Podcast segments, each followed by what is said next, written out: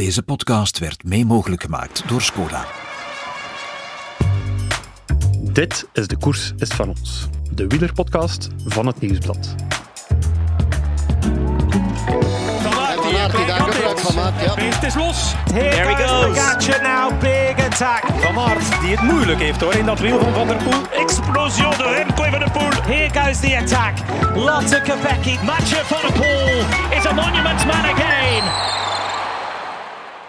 Goed, het Super WK is achter de rug, dus is Michael even met verlof en spring ik een weekje in. Ik ben eh, Bert Heijvaart, podcast-producer hier bij het Nieuwsblad. Ooit nog wielerreporter geweest, maar dat was echt in een zeer ver en duister verleden. Dus gelukkig, gelukkig sta ik er niet alleen voor. En zitten hier in de studio twee vaten vol hedendaagse wielerwijsheid. Dag Jan-Pieter de Vlieger, dag Guy van Langenberg. Dag Bert. Hoi, dag Bert. Guy, je bent terug uit eh, Glasgow, uit Ja. Schotland. Ja. Welke whisky heb je mee voor ons? Eh, geen. Ik, ik, nee, nee, nee, nee, nee. Ik, ben eigenlijk nog een beetje aan het vechten tegen de jetlag. Maar, maar, eh, Dat uurtje tijd. maar voor het overige, ik, ik- ja, we zijn met de wagen heen en ook met de wagen terug. Dus er was eigenlijk ruimte voldoende om voor alles mee te smokkelen. Maar Ja. we hebben het niet gedaan. Gemiste kans, hè? Ja. Gemiste kans. Ja, waarschijnlijk. Dan moeten we het gewoon over de koers hebben, eigenlijk. Eh, Gelukkig. ja. maar dat gaan we ook doen, natuurlijk, in deze podcast. We gaan het nog hebben over de apotheose van het WK, over de wereldtitel van Lotte Kopecky. En eh, ja, we duiken ook nog in het meest intrigerende verhaal van deze zomer, dat van Patrick en Patrick. Eh, dus laten we er maar gewoon aan beginnen. It's just that I don't know what keeps me pushing, and uh, yeah, I don't know what I was thinking, but it's um, it really means a lot to me, and um, yeah, it's a kind of a dream that comes true, and uh, yeah, Het flash-interview van Lotte Kopecky na de finish. ehm, altijd goed, hè, zo'n flash-interview. Goh, het, het hangt natuurlijk van de omstandigheden af. Ik bedoel, als je eerste keer wereldkampioen wordt en de manier waarop en al hetgeen wat er gebeurd is, ja, dan, dan kan dat altijd wel goed zijn. Maar soms, na een etappe in de, in de Renewi-tour, om maar iets te zeggen, kan dat een, kan dat een vat vol clichés zijn dat naar boven komt. Maar in dit geval was het inderdaad wel eh, eh, mooi. Ik En vind het wel. Mohoric heeft een standaard voor flash-interviews Ja. gelegd in een tour waar niemand, eh, niemand nog aan kan. Nee, maar dat was, ge- was geen interview niet meer. Dat was een... Dat was een, Dat ja, een speech. Ja. Dat, dat leek zo alsof het hij dat voorbereid had, maar de manier waarop zij het kon onmogelijk voorbereid zijn, dat was zo authentiek gebracht. Dat was fenomenaal en zo to the point. Ja, ook ik emotioneel. Ja. Ja, ja, ja. ja, het is daarom dat ik er wel fan van ben, want je zag hier ook bij Lotto van ja, ze wist eigenlijk niet goed wat antwoorden. Hey, het, het, de emoties borrelden op en eh, ja, het zat zo, er zat zo een beetje tranen tussen en dan af en toe een goede quote, zoals I don't know what keeps pushing me. Dat is eigenlijk wat iedereen zich afvroeg. Hè. Je bent daar twee keer goud op de piste, pak nog eens brons en dan goud in de wegrit. Dat is ongelooflijk. Hè. Dat is ongelooflijk in de manier waarop. Ik bedoel, ze steelt het niet. Hè. Ze, ze beseft daar, denk ik, dat ze op dat moment echt wel verdiende om wereldkampioen te worden. Dat ze Ja. echt wel de beste renster van de wereld is. En dat eigenlijk na een jaar dat, dat, dat ja, zeer moeilijk is geweest voor haar. Hè. Ik bedoel, zowel, enfin, nee, vooral naast de fiets eh, Mhm. heeft zij een, een zeer bewogen jaar gekend. En Ja, we kennen het verhaal. Ja. Haar Mm. broer is gestorven, eh, er is een relatiebreuk geweest, ook haar grootvader is ook nog eens gestorven. Ja. ja dus ehm, Ja. Ja, het, het, het geeft het verhaal natuurlijk een extra dimensie. Het geeft de titel een extra dimensie. Ehm, En is, want je hebt daar nu een, een week gevolgd, is ook dat wat daar gepusht heeft, deze voorbije week, denk je? goh, nee, ik denk dat niet. Hm. Ik denk eerlijk gezegd dat zij... Ja, bedoel, dat zij sinds vorig jaar eh, Wollongong echt wel... Heeft ze ook zo gezegd, ja, sinds vorig jaar Wollongong wil ik echt wereldkampioen worden. Weet ik ook dat het kan. Dus, dus het, het verhaal speelt al veel langer. Of, ah, of, of de wens om wereldkampioen Ja, te worden, ja, of de droom om wereldkampioen te worden. Enfin, die droom zal misschien al veel langer bestaan hebben, maar, maar echt wel Toen besef, ze van- besef van, ja, ja. ik, ik, ik kan het ooit worden, is, is al ontstaan voor, voordat zij al haar, eh, al haar problemen kende. En, en eh, is dit nu extra brandstof geweest? Misschien wel.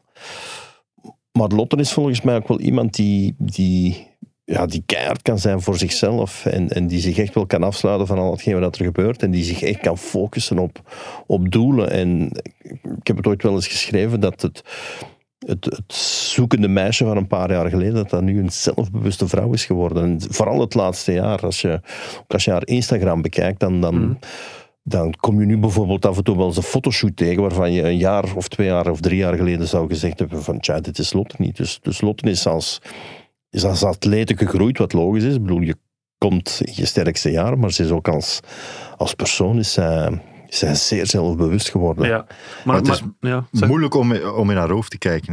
De interviews dat ik met haar gehad heb, dat is, ze heeft prijs wat dat ze wil prijsgeven. Het is, en ja, wij, wij kunnen daar dan zo een beetje naar, naar zitten peuteren en zo, maar ah ja, dat, dat is natuurlijk ook niet verplicht om daar heel open over te ze zijn. of vertelt niet veel over haar privé ook. Nee, en ze heeft dat ook niet zo heel, heel graag, eh, heb ik begrepen ondertussen. Maar psychologisch is het wel interessant, want heel vaak zie je atleten, ja, als het slecht gaat privé, zie je die ook, die ook gewoon in prestaties gewoon in elkaar stuiken. Ai, eh, er zijn heel veel coureurs die een relatiebreuk hebben en dan de komende twee jaar niet meer presteren.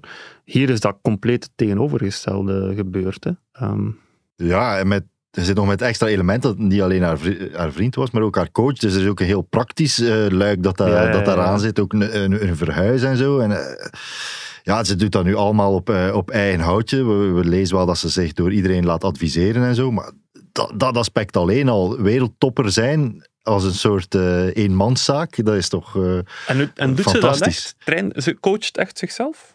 Ja, ze, ze stelt haar eigen eh, trainingsschema's op en zo. Natuurlijk, ze moet haar eh, programma samenstellen, want ja, piste weg, dat moet allemaal op elkaar afgestemd worden. Daar, uiteraard zijn daar veel mensen in betrokken. Mhm. Maar wat ga ik doen op training vandaag? Ik denk dat dat grotendeels haar eigen eh, beslissing is. Oei, dat pleit niet echt voor de personal coaches als, als je daarmee wereldkampioen wordt. Nee, maar het zegt wel veel over Lotte. Dat is, eh, is echt wel eens uitgeroeid tot een- iemand die zichzelf zeer goed kent, die zelf Ja. zeer goed weet wat zij nodig heeft en die ook weet wat het ze nodig heeft om tot die absolute wereldtop te behoren. En zijn, ze heeft het ook wel op een vrij gezinnige manier ingevuld. Hè. Hoogtestages hebben we de ene na de andere tegenwoordig, doet Lotte Kopecky niet. Ja. Zij gaat wel koersen met de juniores om, Ja. om, om toch een bepaalde prikkel te krijgen. En ja, gaan we nu volgend jaar al die goede vrouwen bij de juniores zien koersen? Ik denk het niet, maar ik, ik ga er wel vanuit dat Lotte dat volgend jaar opnieuw gaat doen. Ja, wat, wat zegt ze daar zelf over? Was dat, dat was een goede ervaring. Dat was ergens Ja, in, ja, absoluut. hè, in aanloop naar de Ja. Tour. eh, Ja, ja, het was eigenlijk omdat god, er viel een wedstrijd weg in België. Ik weet al niet meer de welke. Ronde van België, denk ik. Ik denk het wel. Eh, en ja, dan had ze wel, ja, wel wat competitie nodig. En, Ja. prikkels, prikkels. Ze zo- zoeken altijd maar prikkels. En die vond ze dan in die wedstrijden. En, en ik, ja, ik ben ervan overtuigd dat dat een heel positieve ervaring is geweest. En, en dat de kans toch wel aannemelijk is dat ze dat nog wel gaat doen in de toekomst. Maar Mhm. om nu eh, in te pikken op wat dat je zegt, het is niet goed voor de personal eh, coaches. Ik had gisteren een, eh, een, klasreunie van onze opleiding lichamelijke opvoeding. En dus Mhm. een van de mensen die bij ons het jaar zat, was Dries Devenijs. Dus die zat Ja. bij ons aan tafel eh, gisteren. Dries renner bij Quickstep. En eh, ja, het ging veel over wielrennen. En zijn punt is veel te veel wetenschap in de koers. En dat is een sportwetenschapper van opleiding die dat zegt. Ja, hij vindt eh, dat er over... eh, gewaardeerd wordt, eh, de, de wetenschappelijke input. Omdat, omdat je dan puur op cijfers gaat vertrouwen en niet meer op je eigen gevoel. Ja, of dat, dat 100%. ja. Dat is wat dat Philippe Gilbert ook altijd zei. Ja, ja. klopt. Ja. In het begin wel, maar Filip is op het einde toch ook wel meer en meer naar zijn wattages en, en zijn data gaan kijken en luisteren. Wel dat hij ja, in het begin van zijn carrière, in het begin dat wattagemeters enzovoorts opkwamen, dan, dan stond Filip daar toch wel heel weigerachtig Ja. tegenover. Maar hij is toch ook op een gegeven moment, is hij toch ook wel gaan inzien dat het wel zijn, zijn voordelen heeft. Maar ik kan Dries wel, ik bedoel, we spreken nu over wattage, maar het gaat over veel meer. Hè. Ja, er is een grondlaag dat je niet omheen kunt Voilà. natuurlijk. Maar soms wordt eh, die laatste procenten veel te groot gemaakt. Denk ik. Ja. Enfin, denkt Dries en denk ik dan ook maar. Hoe zit dat bij Kopecky eigenlijk? Weten we hoe dat ze haar koers bijvoorbeeld heeft aangepakt eh, voor het WK? Want als je dan ja, geen coach hebt ook, eh, die daar, eh, dat is natuurlijk in samenspraak met de bondscoach neem ik aan, maar ehm, ja, ze heeft eigenlijk heel die koers fantastisch gedomineerd. Was dat met een plan vooraf of is dat ook puur op gevoel? Nee, nee, er, was echt wel een plan. Uh, Sanne Kant is dan meegegaan in de vroege vlucht. Sanne Kant had ook nog wel een bepaalde functie te vervullen op het parcours zelf. Ehm, dat heeft ze ook nog wel gedaan. Volgens Sanne zelf heeft ze daar nog ergens moeten inspringen omdat er iets fout was gegaan. Maar dan weet je wel dat vanaf een bepaald moment, en dat was het mooie van dit parcours, op een bepaald moment werd het toch eh, vrouw tegen vrouw. Ja, Eh, ja. En dan heb je eigenlijk niet. Dan komt het neer op, op ja, tactisch vermogen van de, van de renster. En ja, dan heeft Lotte het voordeel dat ze heel veel ook op, op de piste koerst. En- Ja, zoals dit WK is uitgegroeid tot de queen van het eh, vrouwenpeloton, een beetje. Ja. Wat heel snel is gebeurd, hè, want in mijn ogen was, tot de jaren af geleden, was Lotte Kopecky een goede renster die met een beetje meeval, als alles goed mee zat, misschien de Ronde van Vlaanderen kon winnen. Nee, En het is, nu het is is iets vroeger snel. begonnen. Ja? Ik bedoel, ja. ja. toch wel. Strade Bianchi winnen. Het, het jaar daarvoor reed ze Strade Bianchi al, al lek. Of, of lek of kettingprobleem, dat weet ik niet meer. Op, op een zeer ongelukkig moment. Dus daar had ze eigenlijk ook wel een belangrijke rol kunnen spelen. Dus je ziet, de, de voorbije drie, vier jaren heb je echt wel die ontbolstering eh, kunnen zien. Ehm, maar ik had ook nooit kunnen denken dat dat, dat zou uitgroeien tot wat ze nu geworden is. Hè. We hadden Ja. zo altijd dat, dat eh, gevoel dat er zal altijd wel een Nederlandse beter zijn. Ehm, maar nu, ja. hè, Nederland had toch, toch weer een heel sterke ploeg die eigenlijk ook wel goed heeft samengereden, die toch wel initiatief Ja. heeft genomen. En, en ja, ook, ook voor hen was, was Lotte een maatje te groot. Ook, eh, ja, Vollering met krampen. En ik denk dat dat ook het grote verschil was. Lotte is bijvoorbeeld direct na de Tour rechtstreeks doorgereisd naar Glasgow, want ze wilden geen extra reisdag hebben. Mhm. Terwijl Vollering, en volledig begrijpelijk, want ja, die had net de Tour gewonnen, dat hij toch zei van, goh, ik moet er even een weekje tussenuit met familie en, en, en vrienden kunnen zijn. En waarschijnlijk ook nog wel naar trainingen afgewerkt, maar toch naar een volledig andere mindset gegaan. Terwijl Lotte is constant In die, koersbubbel in die koersbubbel gebleven. Dat is Ehm, wel straf eigenlijk, dat je dat zo kunt dat houden, is- die focus. Dat is, Ja. eh, Ik vind dat ook redelijk straf, ja. Ehm 869.000 mensen hebben haar in Vlaanderen wereldkampioen geworden. Dat is veel. Is dit nu echt het begin van een, van een hype van het vrouwenwielrennen? Het was natuurlijk al bezig, maar ehm, ja, gaat het nu iets betekenen? Ja, ik, ik denk dat wel. Als je ziet wat dat eh, in Nederland, die, die eh, topjaren van, eh, van Vleuten, van Van der Breggen, hoe, hoe veel meer focus dat er was. Als wij naar WK's gingen toen, de Nederlandse journalisten, mannen en vrouwen, dat was bij hen een soort gelijkaardig belang. Die, die, Ja. die gaf daar evenveel kopij aan. En bij ons was dat, ja, dat was ondenkbaar. Hè. Dat was Ja. iets, ah, ja, ja, dat moeten we ook nog, Ah ja, het moet nog iemand ja, ja. en nu voel je dat, wel, ja, op de redactie is er ook geen enkel voorbehoud meer om eh, pagina's vrij te maken. Eh, dit weekend hadden we, ja, logisch ook natuurlijk, maar vier pagina's eh, Lotte Kopecky in de krant. Dat was een jaar geleden, zou dat niet, niet aan de Mhm. orde geweest zijn. Dus ik denk, wat de, de evolutie die je zo in basketbal gezien hebt, in volleybal gezien hebt, in het voetbal nog wel veel minder, maar dat dat nu in het wielrennen al een, voor een groot stuk bezig was, maar dat dat zich nu heel zal, fel zal manifesteren. Ja, wat mij ook opvalt is dat de gunfactor enorm groot is bij het breed publiek. Hè. Zo, zo mensen die niet altijd naar de koers kijken, maar dat, dat die het misschien wel interessanter vinden dat Lotte nu wereldkampioen wordt dan nog maar eens een man bij, ehm, eh, nog maar eens een Belg bij de mannen. Ehm, mijn moeder bijvoorbeeld, die spreekt al van ons Lotte. ja. Ja, ze, ze heeft alles eh, voor haar natuurlijk. Hè. Eh, Ja. Het is een persoonlijkheid die aanspreekt, denk ik, in België. Iemand die zeer bescheiden is en die dan met Ja. de pedalen eh, het- doet. Natuurlijk, de, de tragiek van dit jaar en zo, dat, dat, mensen nemen dat uiteraard ook mee. Eh, ja, de, Ja. De, de waardering die je voelt voor iemand die dan toch die prestaties neerzet.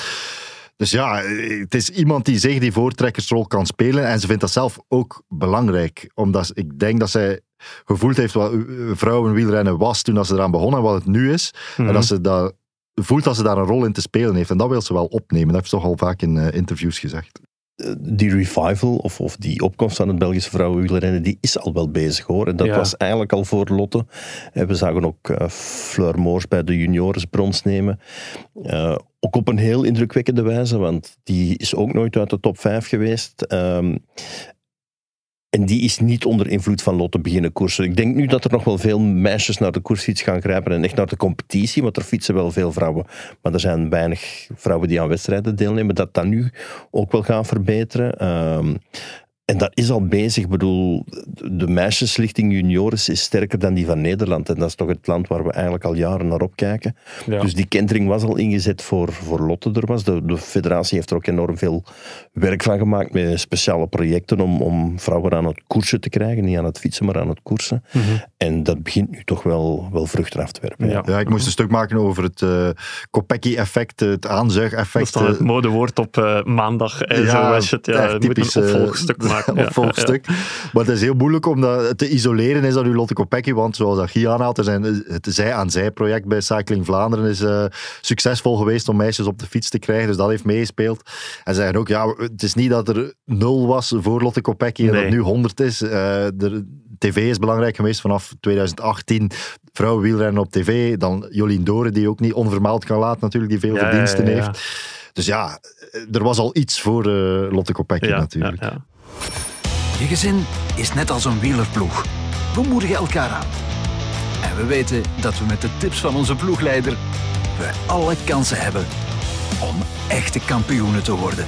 Skoda, supporter van de grootste fietsfamilie. Goed, eh, tijd voor eh, de roddel van de zomer, of het eerder het publiek geheim, eh, zoals dat Alberto Contador zei. Gaat Remco nu naar Ineos of niet? Jan-Pieter, bevrijd ons.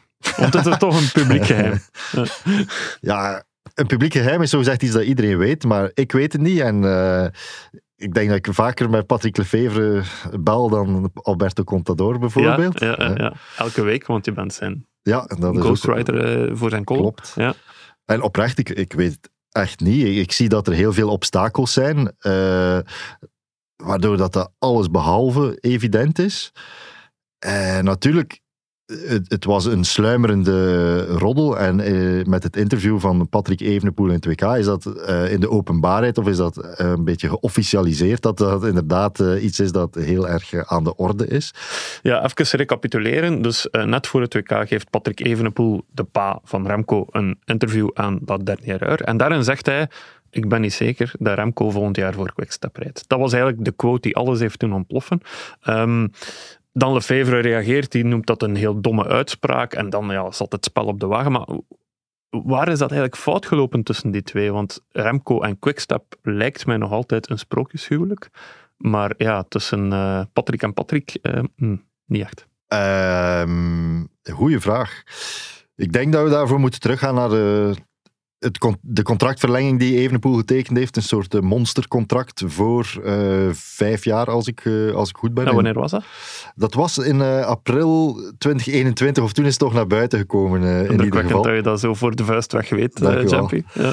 Ehm, maar ja, dat was nog in een heel andere context. Er was veel onzekerheid rond Evenepoel op dat moment. Dat natuurlijk die zware val had in Lombardije. Ja. Het aandeel Evenepoel stond toen niet zo heel hoog en is nadien pijlsnel eh, omhoog geschoten. Mhm. Dus je kan je wel voorstellen dat de financiële voorwaarden die toen afgesloten zijn, dat die niet in verhouding zijn met wat de Evenepoel op dit moment waard Nee, is als Goed renner. gezien van Lefevre, denk ik dan, op dat moment. En er is, eh, voor zover dat we dat allemaal weten, want het is ook niet dat wij daar inzage in hebben of dat eh, die contracten openbaar zijn, maar de verdiensten van Evenpoel is heel erg op bonussen eh, gebaseerd, blijkbaar. Ja, ja, ja. Dus als hij wereldkampioen werd en de Vuelta won en zo verder, heeft hij wel gecashed. Maar zijn loon is niet gigantisch. Eh, Inderdaad. Ja. Dus dat is iets dat zeker speelt. Daarnaast heb je- het sportieve verhaal, waar dat eh Evenepoel de ambitie heeft om de Tour te winnen. mhm. En wil dat de randvoorwaarden daarvoor optimaal ingevuld zijn. En dat eh, Quickstep evolueert daarin, maar niet snel genoeg als we afgaan op het interview van Patrick Evenepoel. Mhm. En ik denk dat er misschien een wat symbooldossiers geweest zijn daarin, en versterkingen die het kamp Evenepoel, als we het zo eh, mogen noemen, heel graag wilde. Laurens de Plus is zo'n evidente naam. ja, ja, ja. Ook een, een vriend van eh, Remco, zeker. Ja, en iemand die ja, getoond heeft dat hij onwaarschijnlijk sterk is in uh, groter, zeer goed is in die rol van uh, Ja. luitenant, of hoe moet je, Ja, het, eh, moet je noemen. Sivakov was ook een naam die, die je vaak hoorde. Mm. Maar daar speelt een, een soort financiële realiteit, waar dat Lefevre die naam, die topnamen, waar het er niet aan kan. Ja. Eh, maar zo net officieel geraakt, eh, bekend geraakt, eh Mikael Landa komt wel naar Quickstep. Ja, maar dat is niet iemand die zich bewezen heeft in die rol. Dat, dat lijkt iemand die daar zeer goed voor zou kunnen geschikt zijn. Maar dat is niet eh, een garantie dat dat eh, gaat werken. Want ja, Landa Islanda. Islanda, ja. Heeft bij Ineos toch vroeger een aantal eh, ja, eh, eh, tours enorm goed gereden in dienst van, van Froome nog? Maar dat Ja, is natuurlijk maar wel al lang geleden. Dus ook, en af en toe werd er ook wel een keer gezegd dat hij niet zo goed in dienst reed van, eh ja, van ja, Froome. Gaat ze de Free Maar- Landa eh, movement Ja. zo. Ja, ja, En dat, hij was het best in die rol. Hè. Dat is zo als een soort martelaar eh, zich tekort gedaan moet naar de camera komt kijken van kijk eens naar mijn benen en ik moet hier. maar eh, er is blijkbaar wel uitvoerig met hem gesproken en hij heeft zich verzoend in die rol en zo. Dus ja, op zich lijkt dat een zeer, zeer waardevolle versterking te zijn. ja, ja. Maar Niet genoeg voor Pa Evenepoel. dat, dat weet ik niet, want het interview dateert natuurlijk van voordat die transfer eh, geofficialiseerd is. Ehm, maar eh, Lefevre zit daar op een andere versnelling dan eh, vader Evenepoel. Ja, want wat dan voor de buitenwereld misschien niet helemaal duidelijk is, is waarom mengt Patrick Evenepoel zich in heel dit verhaal zo prominent? Ehm, het blijft gewoon de vader van. Nee, nee, nee, nee, nee. Het is intussen ook de, de zaak gelastigde, om het eh, met een mooi woord. manager. Ja, de manager. Dus eh, hij hij moet zich ook met, ja, ja, zoals een manager zich met alles moet moeien, zo moet Patrick Evenepoel zich ook met alles moeien. Ja. Ehm, en ik denk dat nu ook wel het besef begint te groeien van, goh, we hebben misschien voor te lang bijgetekend, want hij heeft een contract tot 2026. Ehm, we hebben waarschijnlijk financieel niet datgene bedongen wat we hadden moeten bedingen. Ehm, dus het zijn ook allemaal zaken die meeleven. En vooral, ik bedoel, we moeten niet enkel naar dat financiële kijken, maar vooral die omkadering. Hè, wat, wat, wat kan Soudal Quickstep, want er wordt hier altijd over Quickstep gesproken, maar het is Ja. toch Soudal Quickstep. Eh, wat kan Soudal Quickstep bieden ehm, aan Remco? Hè? Dan gaat het effectief over wie kan hem bijstaan in de Tour. Eh Islanda voldoende. Hè? Bajoli is toch ook vertrokken. Er zijn ook, laten we zeggen, die kern rond Remco is wel bewaard gebleven. Dus, dus er, daar hebben we wel wat renners bij getekend. Maar het staat niet naast Jumbo-Visma of UAE die echt met een eh, Nee, lading kanonnen komen nee, naar zo'n nee, nee, tour. absoluut niet. Eh, de- er zit geen Sepp Koes bij. Hè. En, en Nee. ik denk dat Sepp Koes zo wat de, de, de knecht is die iedere kopman wil. Ehm, Iemand die op bepaalde dagen in de bergen gewoon de evenknie is van de kopman eigenlijk. Ja. Absoluut, absoluut. Eh, ook, ook zelfs ja, als, als je bijvoorbeeld tijdens de, de, tijdens de Tour, als je Nathan van Hooydonk ziet rijden, die gaat op een moment bergop rijden waarop klimmers gelost worden. Mm. En dat is zo, zo gezegd een man die zich in het vlakke moet ontfermen over, over Vingegaard of, of, eh, Ja. Of Roglic in, in een andere wedstrijd. Dus, dus Maar goed, eh, dat is de situatie. eh, en dan is daar een ploeg zoals Ineos met gigantisch veel geld, met eigenlijk ja, ehm, het gebrek aan een kopman de laatste jaren, die echt wel die grote overwinningen kan pakken. Natuurlijk springen die dan op de kar en die komen zwaaien met geld. Dat is nu wel duidelijk. Hè. Er zijn onderhandelingen, gesprekken geweest. Ehm, de vraag is, kan Remco zomaar weggekocht worden? Ja. eh, ten eerste, Bert, ik vind het al gevaarlijk dat je zegt er zijn onderhandelingen geweest. Ah ja, oei, sorry. Ik denk van, Terugspoelen. Ja, er- nee, nee, nee, je hoeft niet terug te spoelen, maar ik wil even duiden van, dat is allemaal niet zeker dat er, er zal al wel eens een goede dag en, en wat denkt en, en, en zou het kunnen, ja, misschien wel, Mhm. maar of wat er al concreet onderhandeld is over, over centen, dat durf ik niet zeggen. Ik ook niet. Ehm, Dus ja, dat- dat- ja, gewoonweg omdat het een onwaarschijnlijk moeilijke oefening gaat worden. Ja. En ook een on- onwaarschijnlijk dure oefening voor, eh voor Ineos. Ja. Ah, Wel ja, stel nu Remco krijgt een, een voorstel met een veel beter loon, met misschien ook bonussen die nog veel hoger zijn, maar kan hij zomaar onder deze situatie uit? Want zijn contract loopt tot 2026 en iedereen weet, wielrennen is niet voetbal waarbij dat je gewoon een atleet kan wegkopen naar een andere ploeg. Ja, in principe zou het wel kunnen. Hè? Ja. Het is al gebeurd. Hè? Ik bedoel, Rowan Dennis was denk ik de eerste die van BMC of naar BMC ging, of bij BMC vertrok, terwijl hij nog een contract had. En er is toen een transferbedrag je betaald. Dus in principe kan het even goed. Ehm, Het is zeker iets dat gebruikelijker geworden is in het wielrennen. Het gebeurt wel volgens mij elk seizoen ergens dat er een renner weggekocht wordt. Maar dat is nooit voor eh, de voetbalbedragen. Da- Maar- daardoor passeert dat een beetje onder de radar. Maar dat is wel iets dat meer en meer, ja, mainstream kan je nog niet noemen, maar dat toch gebruikt wordt eh, Ja, in het En, en waarom zegt Lefevre dan van ja, dat, dat kan eigenlijk niet. Eh, en als hij weggaat, dan doe ik hem een proces aan en hij weet niet waar hij aan begint. Eh, Omdat dat altijd eh een onderling akkoord gebeurd is, hè, die transfers. Ja, dat is, jullie betalen zoveel, wij gaan daarmee akkoord. Maar in dit geval eh, is Lefevre geen hele vragende partij voor de transfer. hè. Dat is, Ja, dat is ja, heel ja. duidelijk. je hebt Ja. drie partijen. Je hebt de ploeg waar hij zit, de ploeg waar hij naartoe gaat en de, ja, de renner zelf uiteraard. En die Ja. drie partijen moeten tot een akkoord komen. Ja. Als twee partijen tot een akkoord komen, zijn de renner en de ploeg waar hij naartoe gaat, ja, dat is heel leuk. Maar die derde partij is noodzakelijk. Ja. En daar zit je natuurlijk eh, gevrongen met het contract dat Lefevre heeft met zijn eh, sponsors, Soudal en Quickstep. Dus Remco is ook een beetje de levenslijn van Patrick Lefevre. Ja. Er wordt ook niet meer flauw over gedaan hè, bij, bij eh, Soudal Quickstep. Het, wat dat ze nu doen is project Remco. Hè. Dat, dus Ja. Lefevre spreekt daar ook in die termen van. Dus ja, die ploeg, dat, het project, eh, de centen gaan daar naartoe. Ja, ja, ja. Maar dus ja, dat betekent, hij gaat Remco eigenlijk nooit zomaar laten gaan.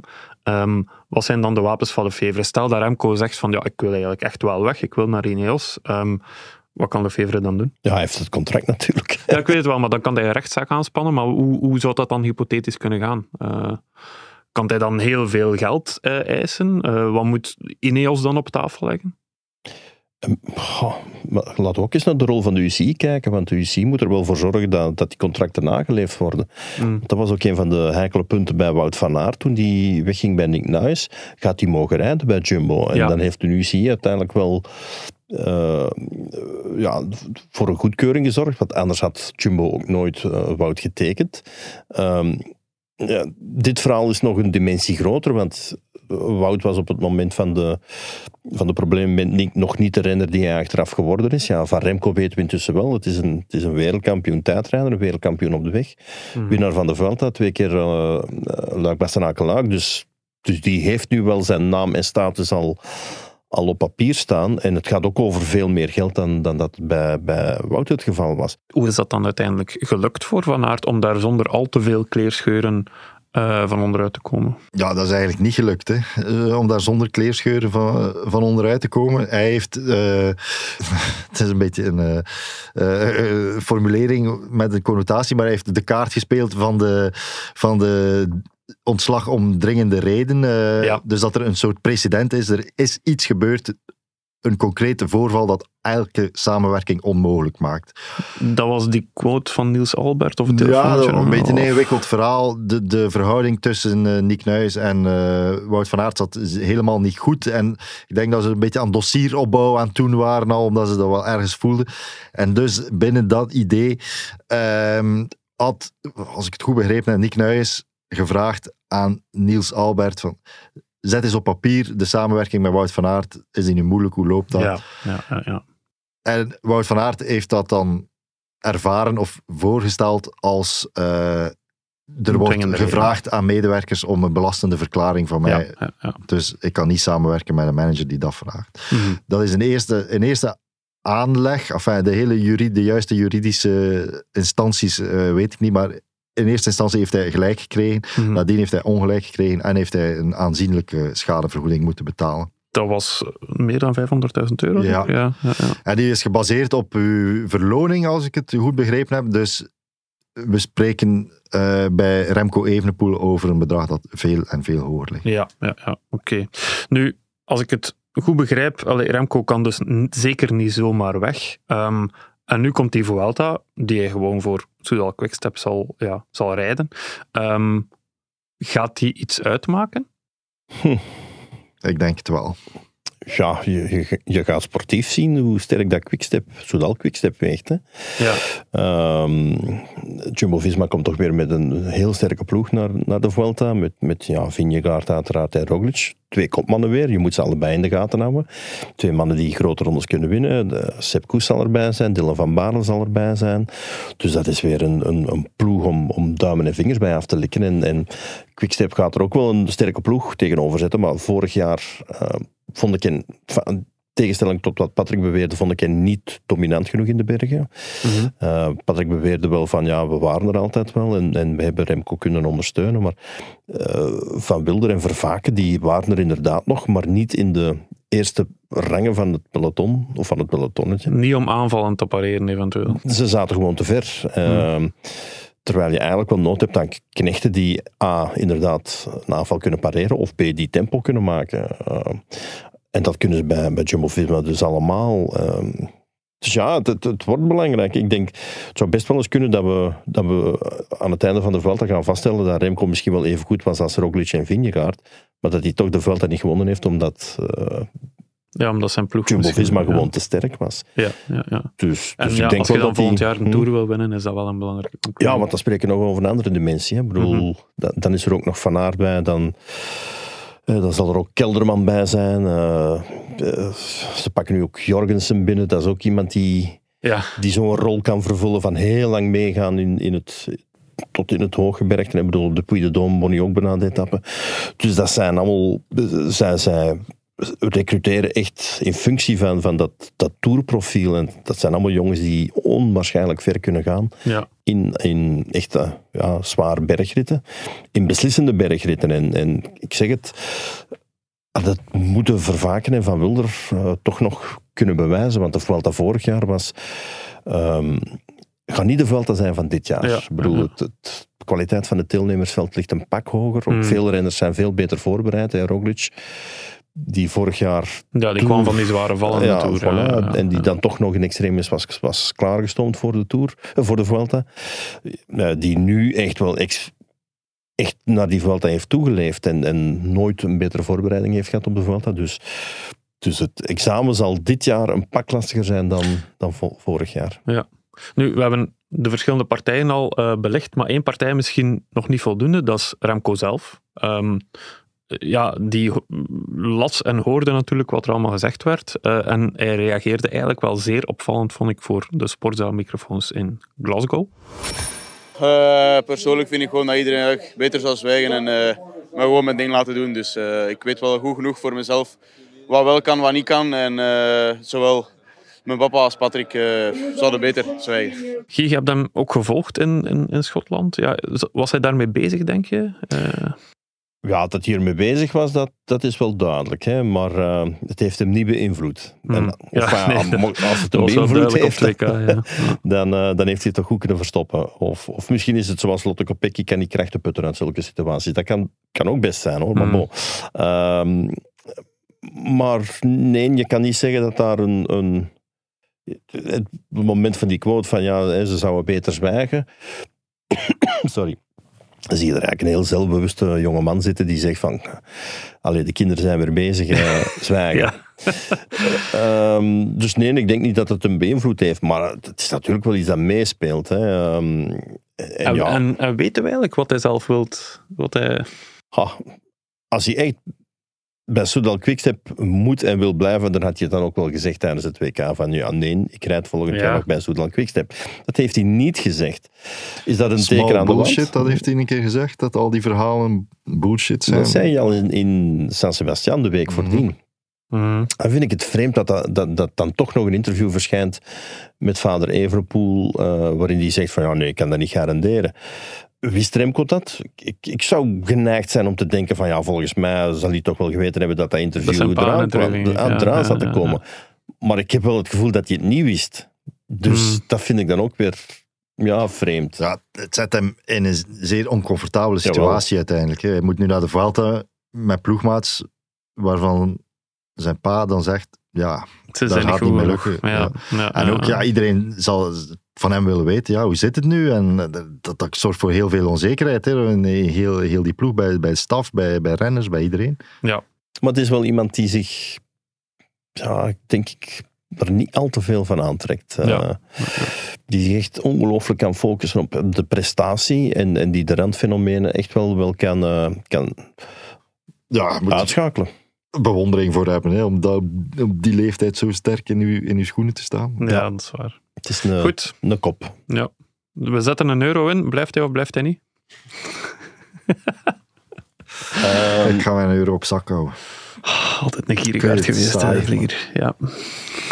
ehm, hij blijft en hij gaat weg. Want Soudal en Ineos gaan een super ploeg vormen. ja, dat is ook zo nog een roddel. ja, ja, ja. ja. Maar gelooft er niks van wat ik nu aan het zeggen ben. Ja, ja.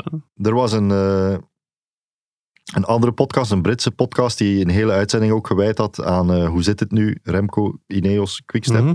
En het enige dat ze on the record konden eh, uit Dave Brailsford, de manager van eh, team Ineos, Mhm. sleuren, was er gaat zeker geen fusie komen. Enfin, hij zei het niet zo. Hij zei een fusie tussen Ineos en Quickstep, Soudal Quickstep, is niet aan de orde. Ja. Dus dan lijkt mij dat ook niet iets dat dan een maand, Een maand later wel onder gebeurt. Ja. wel heel, eh, heel erg speelt. Oké. Guy is zijn een euro kwijt. Ehm, Goed. Alright, het zal zal ik inzetten dat hij weggaat. Eh, ja, misschien verdien ik er nog iets aan ook. Goed. 2 euro dan. Ja, die van Jumpy ook. hè, Ja.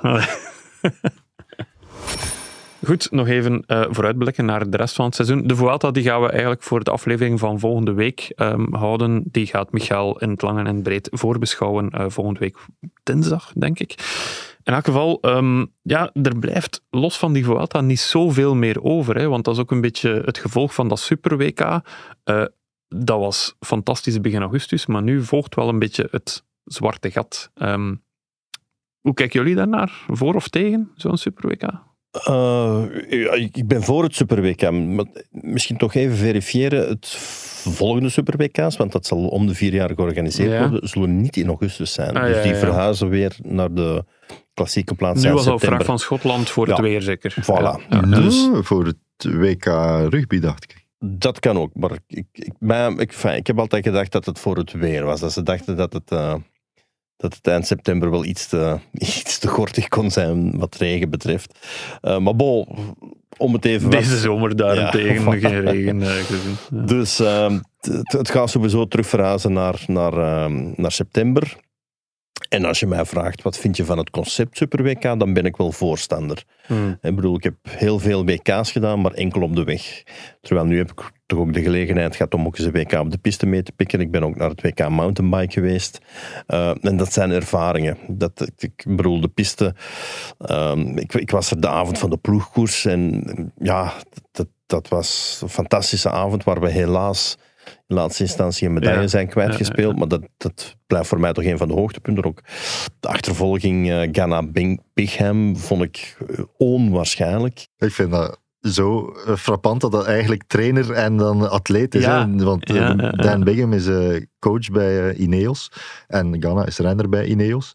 Dus ja, die, die kennen elkaar dan door en door. En dan, eh, je gaat er toch vanuit dat Ganna meer tijd te besteden heeft dan eh, op de fiets zitten dan de coach eh Bigham. Ja, maar dat is ja, ja. natuurlijk allee, Ja. een eh, formidabele atleet ook. hè. Maar het geeft ook renners de gelegenheid om uit te blinken in verschillende disciplines. Ja, Ik bedoel, Lotte kon nu echt focussen naar een periode van, van anderhalve week, waar zij zowel de piste als de weg kon combineren. ja, Ghana ook uiteindelijk. Ghana Ja. ook. Hmm. Chloe Dijgert wint de individuele achtervolging, wint de individuele tijdrit. Ehm, dus dus eigenlijk leer je ook wel de meest polyvalente renners kennen. Ik vraag me dat af, zou er iemand zich frustreren in het feit ik kon mijn disciplines niet combineren. Ik had niet dat gevoel. Ik denk dat iedereen zou zijn... eh, Nee, misschien Van der Poel dat dat niet ideaal was, een mountainbike, maar Er zat ook een week tussen. Hè? Ik, Ja. ik snapte eigenlijk zelfs niet dat Pitcock het niet combineerde, want het- er zat inderdaad een week tussen. Eh, hij had zijn opbouw toch gehad in de Tour qua conditie, dus ehm, ja, het zal meer een kwestie van focus geweest zijn dan. dan Misschien wel, Ja. maar bijvoorbeeld eh, Blanca Catavas heeft op vrijdag het WK mountainbike bij de onder 23 gereden. Mhm. En op zondag het WK op de weg en is wereldkampioen geworden bij de onder 23. Ja, En ja. daar zat maar een periode van, van twee dagen tussen.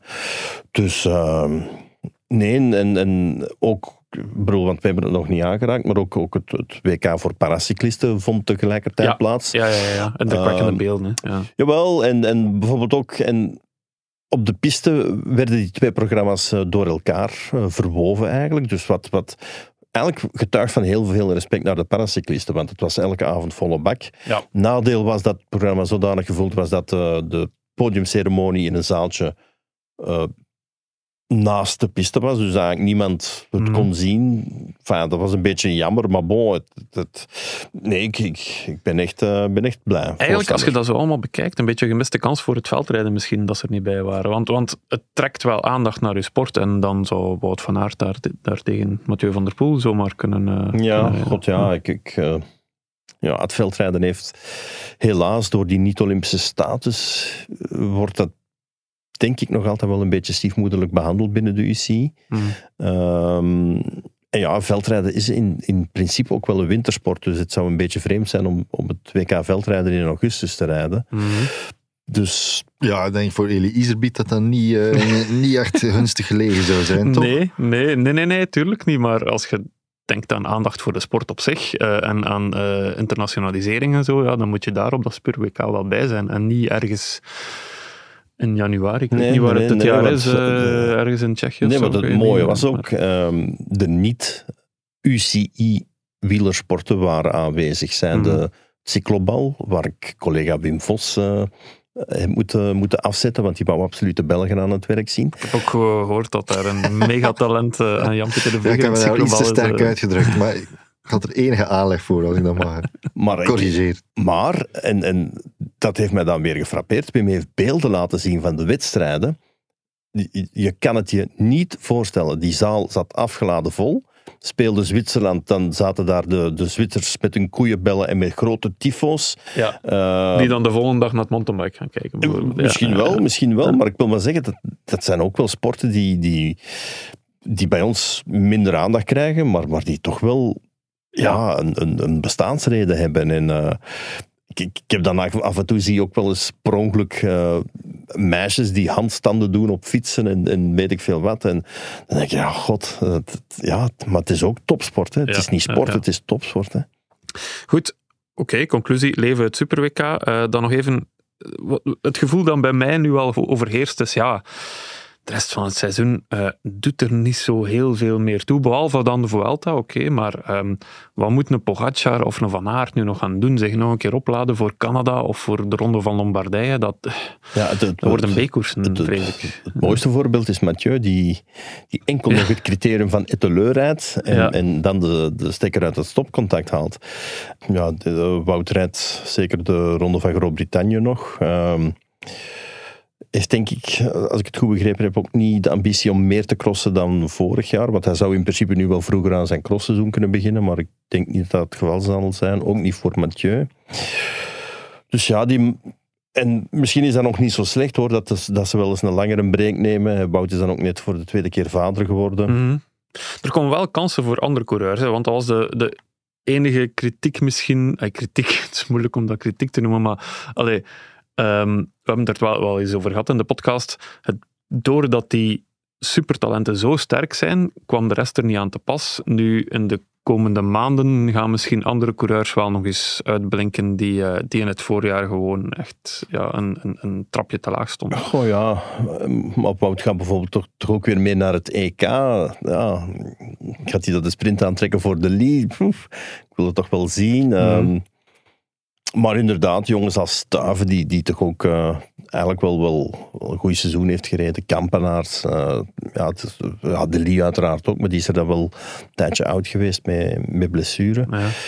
Ten Ja. wel zag ik onlangs weer verschijnen. Ik dacht, ja, dat is, dat is toch wel een kans voor hem om... eh, Ja, de Canadese wedstrijden. hè. Hij heeft al Montreal al eens gewonnen. Ehm, De Ligue gaat ook Quebec-Montreal rijden, waar ik meer kansen zie in Quebec voor hem. Dus ja, het- ja als de toppers er niet bij zijn, moet, moet de rest ervan profiteren. Dat is zelfs in het voetbal. Hè.